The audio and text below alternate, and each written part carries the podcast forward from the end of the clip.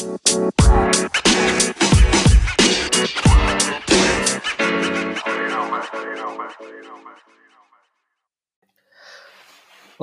balik lagi kali ini teman-teman dengan William. Hari ini di bisnis di higher ground. Kita call, apa we call it higher ground karena kita belajar untuk kita bisa naik ke tanah yang lebih tinggi lagi. Nah, hari ini kita mau ngomongin sebuah hal yang aku selalu tanya. Aku udah ngajar di beberapa tempat dan semua tempat itu bertanya satu hal yang sama. Entah itu insurance, entah itu online business, entah itu kelas mana pun yang lainnya selalu semua bertanya gini kalau gitu Kak, aku perlu ganti account gak sih? Perlu bikin account baru kah? Kalau misalkan aku bikin account baru, gimana?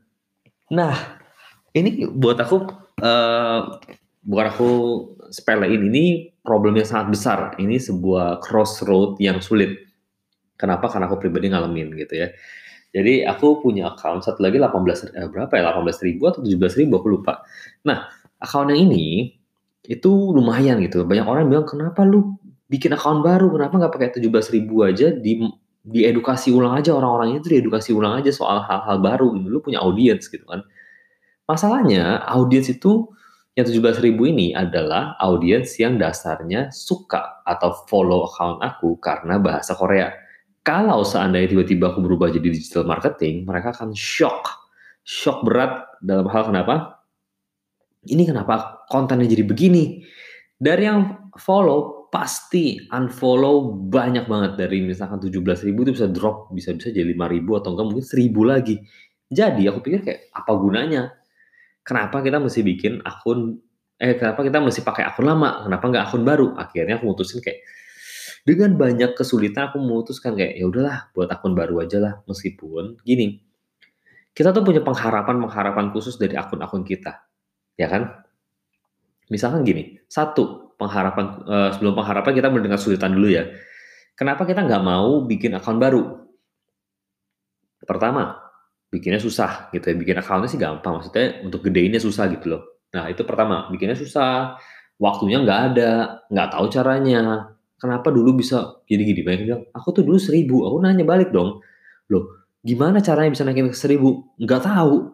Teman-teman lah, saudara-saudara lah, semua ngumpul tiba-tiba seribu aja ya udah gitu kalau misalnya teman-teman ya udah gitu kan masalahnya teman-teman kita itu bisa dimonetisasi nggak gitu karena ya ini kan goalnya bisnis bukan untuk main gitu loh nah pengharapan kita dari nggak mau ganti account dan kita berharap pakai account lama terus adalah satu hal kita ingin memonetisasi saudara dan teman-teman kita buat aku itu jahat kenapa karena mereka tuh nggak mau barang kita gitu. Kenapa kita mesti memaksakan terus-menerus misalkan gini. Aku tuh dulu praktekin sampai aku kehilangan banyak teman. Aku selalu berpikir bahwa seorang teman itu harus membantu temannya ketika buka usaha, entah itu beliin atau entah itu tawarin gitu ya. Tapi ekspektasi itu buat aku kecewa. Kenapa? Karena teman-teman aku nggak lakuin itu, buat dikit doang lah gitu, nggak semuanya lakuin hal yang sama akhirnya aku memutuskan kayak ya udahlah memang nggak boleh mengekspektasikan teman untuk share apa yang kita mau ngomongin gitu karena itu bukan hal yang baik gitu ya. Nah, itu yang kita harapin loh dari account kita yang lama. Ada yang bikin account udah beberapa kali ganti-ganti apa namanya niche. Nama udah diganti, segala sesuatu diganti gitu ya. Tapi kayaknya tuh enggan gitu untuk kayak misalkan kayak bikin baru. Padahal itu kau tuh udah gak nyambung lagi sama apa yang dia buat pertama kali. Misalkan pertama kali ngomong fashion tiba-tiba gagal diganti makanan tiba-tiba gagal diganti sekolah. Nggak nyambung followersnya nggak akan suka. Bagus masih di follow. Kalau bener berhenti follow dan tiba-tiba nol gimana? Habis kan? Nah makanya menurut aku kalau kita mau ganti account itu perlu nggak sih sebenarnya sebenarnya kita perlu lakukan dua hal kita perlu cek Yang pertama itu kita perlu cek gini, account kita ini followersnya itu bakalan suka nggak sih sama konten yang akan kita buat? Mereka akan engage nggak sih sama konten yang akan kita buat? Gitu loh. Kalau misalnya kita uh, followers awalnya nih teman-teman kita suka kita karena foto-foto kita, karena cerita-cerita kita, tiba-tiba kita jualan sepatu. Mereka akan follow nggak sih? Atau mereka akan like nggak sih konten kita? Kalau enggak, buat baru aja. Kenapa? Artinya kita cuma mengharapkan sesuatu yang palsu gitu loh. Sedih ya harapan pemberi harapan palsu. Maksudnya gimana? Maksudnya tuh gini, mereka itu nggak akan pernah beli produk kita. Kita cuma berharap mereka beli. Mereka tuh nggak tertarik sama produk kita, makanya mereka nggak like. Menurut aku lebih baik kita buat ulang dan kita cari uh, followers yang tertarget gitu kan. Nah, alasan yang kedua, eh kok alasan maksudnya apa yang kita perlu cek yang kedua gitu ya. Berikutnya yang perlu kita cek adalah apakah kita sudah lama nggak upload. Kalau nggak udah lama, berarti kita udah buat mereka tuh nunggu lama gitu. Kalau mereka udah nunggu lama, mereka tuh bingung ini orang ada atau nggak. Kalau nggak ada, kemungkinan mereka unfollow. Kenapa mereka mau unfollow kita? Simple, kita udah nggak kasih mereka alasan untuk di follow. Mereka nggak peduli lagi sama konten kita. Belum lagi kalau misalnya tiba-tiba yang kita upload nggak sesuai dengan alasan mereka follow kita.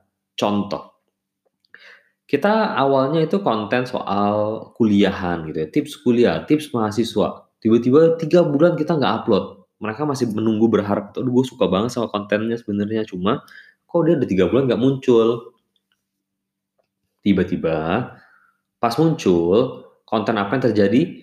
kontennya makanan. Kaget nggak orangnya? Kaget. Dia mereka bisa nanya, ini account apa kok gue nggak pernah follow, kenapa tiba-tiba jadi ada account ini? Mereka kan bertanya, ini account macam apa? Udah gue unfollow aja. Itu bisa kejadian. Makanya menurut aku lebih baik kita buat akun baru sebenarnya. Buat akun baru tuh sebenarnya nggak apa ya? Nggak perlu takut gitu teman-teman.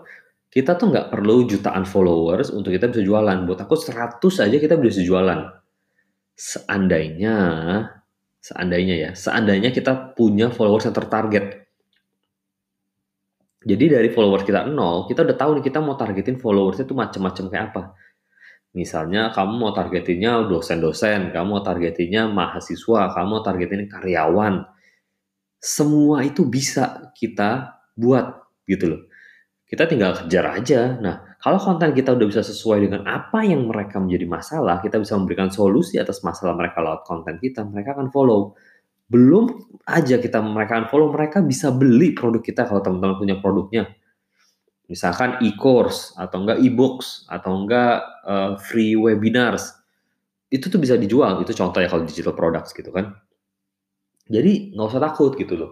Nah, memang um, nggak mudah gitu untuk mulai dari nol followersnya nol likesnya sedikit sedih kadang-kadang. Kadang-kadang aku pribadi juga aduh enaknya dulu ya kalau sekali upload bisa 2000 yang like bisa 3000 kadang-kadang. Sekarang ya cari 100 aja susah. Tapi aku tuh nggak nyari likesnya sebenarnya. Likes itu mem memang membantu kita untuk melihat apakah konten kita performing atau enggak. Tapi buat apa kalau nggak menghasilkan uang gitu. Kalau aku sekarang 800 ini lumayan menghasilkan uang, baru 800 gitu. Apalagi kalau misalnya 10 ribu, ya pasti lebih gede lagi. Nah, gimana caranya dari 800 bisa 10 ribu? Ya terserah, kamu bisa mau organic growth atau pakai ads. Kalau aku udah pasti pakai ads. Ngapain? Capek pakai organic growth, buang waktu banget. Tapi sebelum pasang ads, pastikan konten kita memang fitnya kuat, kontennya jelas, dan lain-lainnya gitu. Kalau enggak, bye-bye nggak akan jelas juga isi kontennya gitu kan. Jadi pastikan supaya kita bisa di follow, kasih alasan gitu supaya orang-orang mau follow. Kalau enggak mereka nggak mau follow. Nah ini khususnya untuk akun-akun baru. Gini, kita itu bukan teman, bukan sahabat, bukan saudara dari calon followers kita. Mereka nggak akan mau follow kita kalau kita nggak kasih sebuah alasan untuk mereka follow. Kalau mereka nggak ada alasannya, mereka nggak akan mau follow. Makanya kita perlu kasih alasan untuk mereka follow. Entah itu mau kasih free e-books, free resources, free consultation, atau tips dan macam-macam terserah.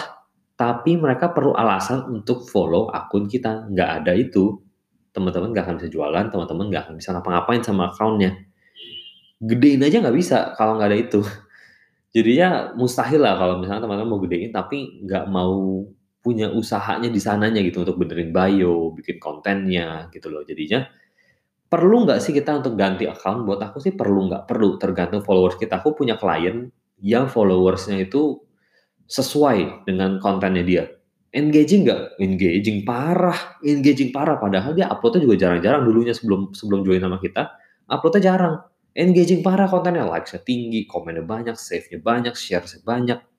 Gak ada masalah, kenapa? Karena followersnya akan suka konten yang dia akan upload. Jadi buat aku pertama kali kita konsultasi, kita bilang, ya nggak perlu diganti pak, atau bu, gitu ya. Kenapa? Karena kontennya sesuai sama followersnya. Kalau nggak sesuai, ya bye-bye gitu. Nggak usah nggak usah pakai account yang lama, bikin baru aja gitu. Kita tuh suka sama romance dari ini tuh account lama, suka memorinya gitu ya sebenarnya dan berharap kan kita bisa monetisasi teman-teman kita atau saudara kita. Padahal itu gak akan bisa, gak akan bisa. Kecil banget, paling juga 10, 10 aja bagus 10 persen. Satu deh, paling satu dua orang yang jadi beli gitu kan. Nah makanya lebih baik punya akun baru. Kenapa? Kalau kita punya akun baru kita bisa bangun brandnya. Gitu. Kalau brandnya udah kebangun, trustnya kebangun, teman-teman jualannya gampang. Begitu kira-kira ya.